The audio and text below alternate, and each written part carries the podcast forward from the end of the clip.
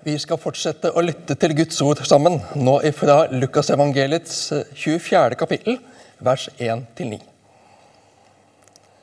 Ved daggry den første dagen i uken kom kvinnene til graven og hadde med seg de velluktende oljene som de hadde laget i stand. Da så de at steinen var rullet fra graven, og de gikk inn, men fant ikke Herren Jesu kropp. De visste ikke hva de skulle tro. Men med ett sto det to menn hos dem i skinnende klær. Kvinnene ble forferdet og bøyde seg med ansiktet mot jorden. Men de to sa til dem, 'Hvorfor leter dere etter den levende blant de døde?' 'Han er ikke her, han er stått opp.' Husk hva han sa til dere mens han ennå var i Galilea. Menneskesønnen skal overgis i syndige menneskers hender og korsfestet, og den tredje dagen skal han stå opp. Da husket de hans ord, og de vendte tilbake fra graven og fortalte alt dette til de elleve og til alle de andre. Slik lyder Herrens ord. Jesus Kristus er oppstanden. Ja, han er sannelig oppstanden. Dette er dagen som snur om på alt. Dette er dagen som gjør det umulige mulig. Dette er dagen som viser at den onde og det onde er beseiret. Lyset har vunnet. Mørket har tapt. Gud er Gud. Framtiden er hans. Makten er hans, og æren er hans, og vi skal få tilhøre ham. I Romerbrevet kapittel 8, vers 35 39 så leser vi hvem kan skille oss fra Kristi kjærlighet? Nød, angst, forfølgelse, sult, nakenhet, fare eller sverd? Som det står skrevet, for din skyld drepes vi dagen lang, vi regnes som slaktesauer. Men i alt dette vinner vi mer enn seier ved Ham som elsket oss. For jeg er viss på at verken død eller liv, Verken engler eller krefter, verken det som nå er, eller det som kommer, eller noen makt, verken det som er i det høye eller i det dype, eller noen annen skapning, skal kunne skille oss fra Guds kjærlighet i Kristus Jesus, vår Herre. Halleluja. Vi lever i perioden hvor seieren er et faktum. Den enorme lotterigevinsten er vunnet. Men den er ikke cashet ut ennå. Vi lever i den virkelighet og bevissthet om at vi har vunnet. Jesus har vunnet for oss, men gevinsten er ikke i lomma ennå. Eller rettere sagt, vi er ikke hjemme hos far ennå. Det er ikke noe mer som skal gjøres. Jesus har gjort alt som skal gjøres. Jesus har vunnet på våre vegne. Alt er gjort opp klappet og klart. Vi går bare og tripper og gleder oss til og lengter etter at det skal realiseres. Faren er at vi blir så opptatt av alt på venteværelset at vi beveger oss i en helt annen retning enn inn til far sjøl. Og forresten, det er én ting vi kan gjøre. Vi kan stikke huet ut vinduet og fortelle til de utenfor at det er mer håpefullt å komme inn her enn å gå der ute og leve i den tro at en kan finne ut av det sjøl på egen hånd. Dette er veien til far. Vi har ikke funnet ut av det sjøl, men vi har vært så heldige og blitt det fortalt, og det på en slik måte at vi fikk tiltro til det. Og her er vi. Vi er klare til å komme inn og feire og glede oss uten ende. Endelig være sammen med far. Og det hele startet, eller i hvert fall ble synliggjort sannheten av, denne påskedagen som vi leste om. Og damene er først. Kjærligheten er sterkere enn døden. Damenes omsorg, kjærlighet og tjenestevillighet gjorde at de fikk se det først. Oppdage det først. Allerede ved daggry er de på vei til graven. og da har de på forhånd gjort i stand velluktende oljer. De vil vise Jesus den siste ære for å salve Jesu døde kropp. De så at steinen var rullet fra graven, og de gikk inn, men fant ikke Herren Jesu kropp. Og de visste ikke hva de skulle tro. Det var ikke slik at de automatisk trodde at Jesus hadde seiret over døden. Det var ikke slik at de automatisk trodde at Jesus var blitt levende igjen. De visste ikke hva de skulle tro. Det er lett for oss å idyllisere hvor lett det var for dem å tro. De som var der, de som så det hele. Nei, jeg er ikke så sikker på det. Og bibelavsnittet vårt indikerer det samme. De hadde fakta. De var øyenvitner. Den forseglede graven er åpnet. Det skulle jo være umulig. Jesu døde kropp er ikke i graven. Hva har skjedd? Har noen tatt ham? Har noen gjort noe så forferdelig som å stjele den døde kroppen til Jesus? De visste ikke hva de skulle tro. Men de får en himmelsk åpenbarelse. To menn sto plutselig der i skinnende klær. To engler. To utsendinger fra himmelen for å forklare kvinnene hva de faktisk ser. Hva de faktisk er vitner til. De to sa til dem, 'Hvorfor leter dere etter den levende blant de døde?' Han er ikke her. Han er stått opp. Husk hva han sa til dere mens han ennå var i Galilea. Menneskesønnen skal overgis i syndige menneskers hender og korsfestes, og den tredje dagen skal han stå opp. Da husket de hans ord. Englene måtte minne dem på hva Jesus hadde sagt. Det var Jesu ord som var nøkkelen. Ikke det å se det med egne øyne, ikke det å være der på stedet akkurat da. Heller ikke englene, egentlig, men det å huske og forstå Jesu ord. Ja, men da er jo ikke vi dårligere stilt enn kvinnene der ved graven påskemorgen. Vi har også Jesu ord. Det handler om hvordan vi forholder oss til det. Om vi leser det, om vi husker det, om vi legger to og to sammen og tror det, og lar det få konsekvenser for livet vårt. Hva er det som har skjedd med Jesus denne uka? Det meste ble snudd på hodet for Jesu etterfølgere. Det ble slett ikke slik som de hadde sett det for seg. Jesus triumferte ikke seirende som Messias i Jerusalem. Han demonstrerte ikke sin makt og kraft og myndighet. Han ble tatt til fange. Han lot seg bli tatt til fange. Han viste ingen motstand. Han var så stille, så rolig. Han var redd. Han var absolutt preget av angst og smerte der i Getsemane torsdagsnatta. Det var så vondt å se Jesus sånn. Og vi som var så slappe og sløve, sovna. Vi evnet ikke å lide med ham engang. For noen etterfølgere. Jesus lot seg fange. Under forhøret Jesus svarte ikke for seg. Hvor var makten og myndigheten? Hvor var den store og sterke og flotte mesteren vår? Han var så ussel og stakkarslig.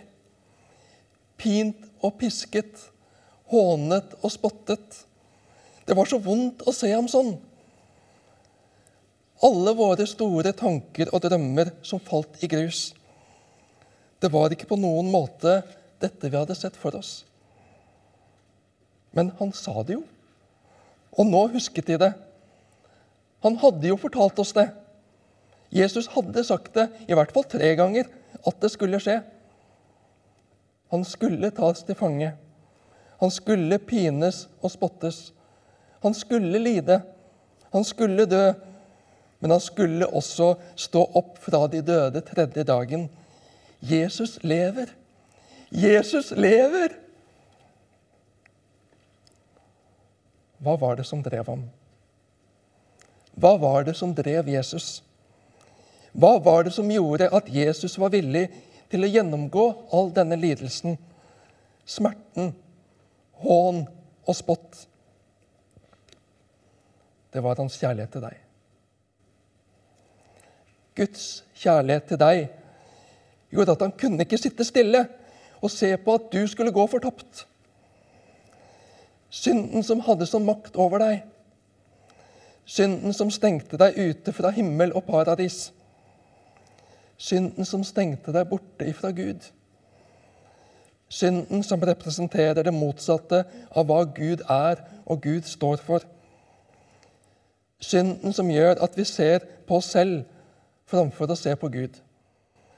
Synden som gjør oss så opptatt av hvordan jeg framstår, framfor hva Gud har skapt meg til. Synden som gjør at jeg vil klare meg selv uten Gud og uten menneskers hjelp. Synden som gjør at vi karer til oss selv, slik at noen blir fattige, mens andre er rike. Synden som gjør at vi bryter ned kloden som vi lever på og er avhengig av. Det er syndens skyld. Det er lett å snakke om det som noe utenfor meg.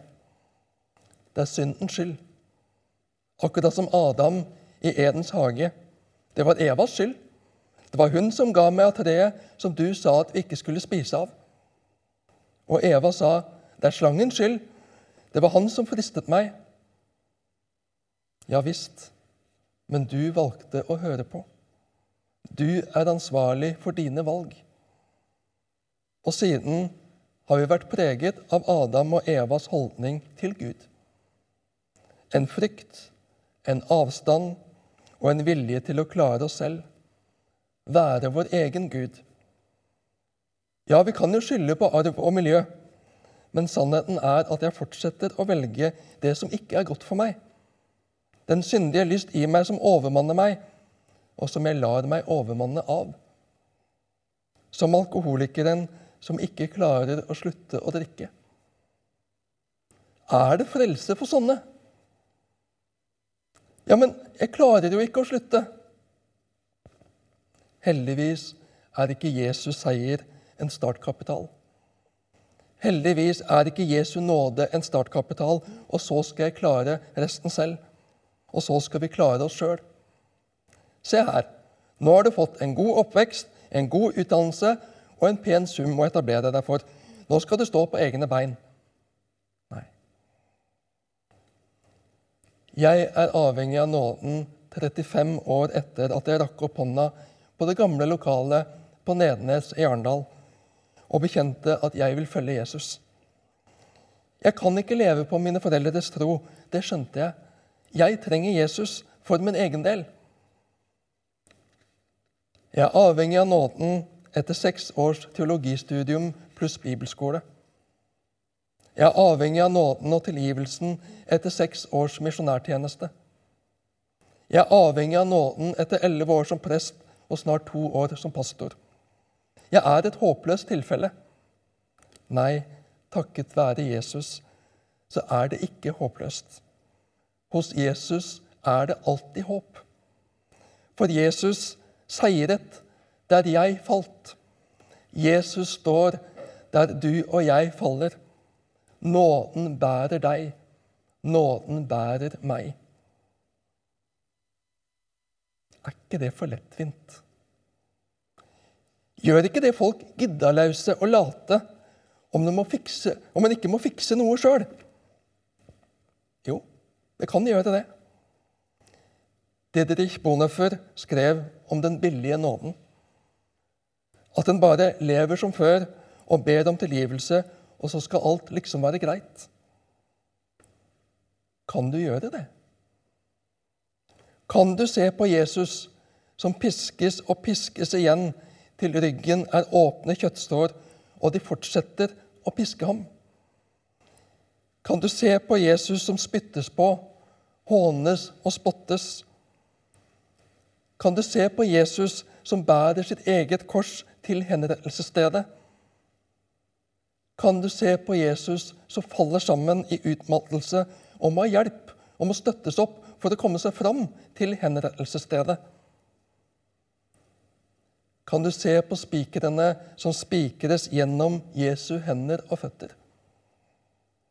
Kan du se Jesus henge der i utholdelig smerte og i en kamp mellom smerte i hender og føtter og behovet for å heise seg opp for å få luft for ikke å bli kvalt? Kan du se Jesus inn i øynene, der han henger under byrden av din synd, dine synder, og lettvint synde med overlegg? Jesus, tilgi meg! Tilgi meg når jeg distanserer meg fra hva du gjorde for meg, og lever på min egen måte. Kjære Jesus, rens meg. Tilgi meg. Jeg kan ikke annet enn å komme til deg på nytt, akkurat slik jeg er, og trygle om nåde. Jeg vet at du ikke er gnien med nåden og tilgivelsen, men jeg er så halv, så delt, så skitten, så uhelbredelig. Faren med å fortsette å synde med overlegg er ikke at nåden skal gå tom, men at du og jeg skal bli så fornedret av skammen at vi ikke orker å be om nåde mer. Så forherdet av synden at vi heller vil forsvare den enn å akseptere ydmykelsen det er å innrømme synden som synd, og la Jesus få ta hånd om den. At jeg ikke orker å se på hva jeg har gjort og gjør igjen og igjen mot Jesus. At jeg derfor vil finne andre svar, andre løsningsmodeller. Det er fint de det funker for, men jeg har prøvd det. Kristendom er ikke noe for meg. Men det var ikke kristendommen det var noe galt med. Men jeg ville ikke la Jesus bedømme hva som er, var rett og galt. Jeg ville ikke la ham være herre i livet mitt. Jeg ville være min egen herre og selv ha definisjonsmakten. Kvinnene ved graven visste ikke hva de skulle tro. Men de lot seg minne om hva Jesus hadde sagt. De lot hans ord lyse opp deres sinn, deres forståelse og deres verdensanskuelse. Jesus var livet. Jesus er livet. Jesus lever. Graven er tom. Jesus lever nå i ære og i makt. Han lever, og jeg skal få bringe hans venner det salige ord. Tenk jeg som er ringest blant ringe, den minste han kjenner på jord. Tenk, jeg skal hans hilsen frembære, og kunne jeg synge det ut, og kunne ei engler begjære å gå med så salig et bud. Og de vendte tilbake til gra fra graven og fortalte alt dette til de elleve og til alle de andre. Og der er vi. Håpløse syndere som har fått håp. Som har fått nytt liv. Et nytt liv som vi bare må dele. Amen.